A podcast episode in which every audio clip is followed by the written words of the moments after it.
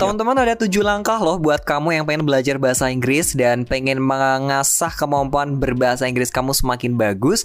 Dan sebelumnya memang bahasa Inggris ini di beberapa kampus menjadi syarat lulus ya, termasuk kampusnya Hakim juga waktu masih kuliah. Tapi walaupun begitu, kamu masih tetap harus belajar sampai sekarang dan Hakim bakal bagi tahu kamu 7 langkah cara cepat tips belajar bahasa Inggris biar ngomong setiap hari itu bisa nggak cuman yes or no doang gitu. Yang pertama adalah jangan takut ragu-ragu. Jadi hal utama yang paling penting dalam mempelajari bahasa Inggris adalah jangan takut untuk mencoba. Kalau kamu takut untuk mencoba, kamu bakal merasakan suatu hal yang tidak enak dan mungkin kamu tidak akan pernah mengetahui kemampuan kamu itu seperti apa toh kamu ketika kamu salah ya, kayak misalnya kamu tuh ngomong sama orang dan salah satu kata dua kata itu menjadi hal yang sangat lumrah dan wajar. Karena semua hal yang berhasil itu berawal dari sebuah kegagalan. Bahkan tidak semua bahasa Inggris native speaker itu benar-benar bisa menguasai bahasa Inggris 100% ya teman-teman. Sama seperti kita-kita semua nih yang belajar bahasa Indonesia, tapi terkadang bahasa Indonesia kita juga masih salah. Jadi kita tidak perlu takut untuk mencoba dan jangan takut salah dan jangan ragu untuk mencobanya. Cara yang kedua adalah menyanyi lagu berbahasa Inggris seperti yang Hakim lakukan saat ini juga sedang mempelajari bahasa Inggris karena Hakim suka nyanyi, jadi lagu-lagu bahasa Inggris itu sering kita dengerin dan dinyanyikan dan semua orang bahkan hampir menyukai musik gitu ya. Nah, jika kamu itu menyukai musik dan suka bernyanyi, suka mendengarkan lagu, nyanyikan aja dan dengarkan aja lagu-lagu berbahasa Inggris. Bahkan ini menjadi hal yang sangat mudah karena sudah banyak lirik-liriknya yang ada di YouTube, di internet, dan kamu bisa menambah jumlah kosakata dari bahasa Inggris yang kamu nyanyikan dan memperlihatkan bagaimana cara pengucapan kata-kata tersebut yang benar dalam bahasa Inggris. Yang ketiga adalah menonton serial TV atau film berbahasa Inggris. Karena Hakim tidak terlalu suka nonton film, jadi aku lebih suka nonton video klip berbahasa Inggris atau lagu-lagu yang berbahasa Inggris di poin kedua tadi.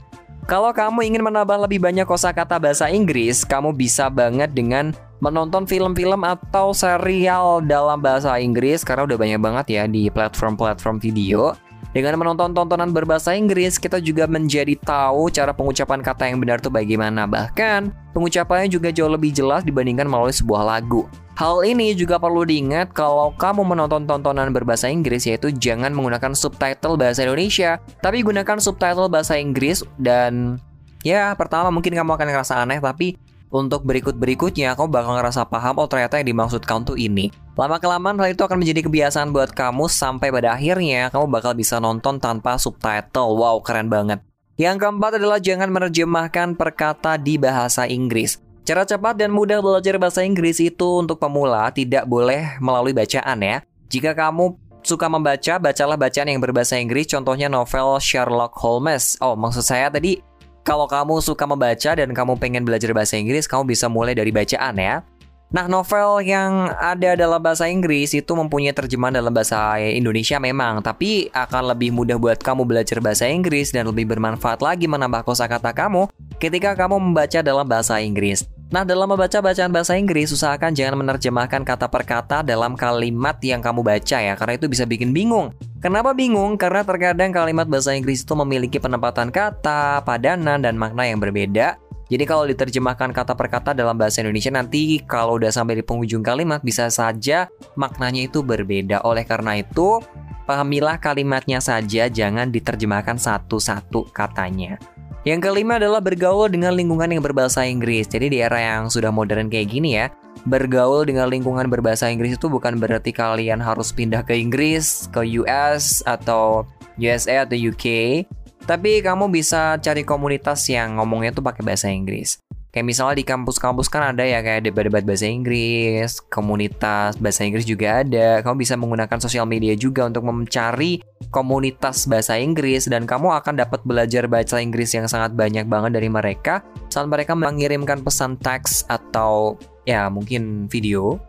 Ya bisa jadi ya. Yang keenam adalah temukan figur inspirasi kamu dalam berbahasa Inggris. Dengan begini kamu nanti akan mendapatkan inspirasi yang cukup besar dalam belajar bahasa Inggris. Misalnya kamu mengidolakan Barack Obama, nah dengan mendengarkan pidato-pidatonya, kamu juga bisa menirukan gaya bicara dan cara pembawaan dalam berpidato menggunakan bahasa Inggris. Yang terakhir, jangan menyerah karena menyerah itu adalah sumber dari kegagalan ya.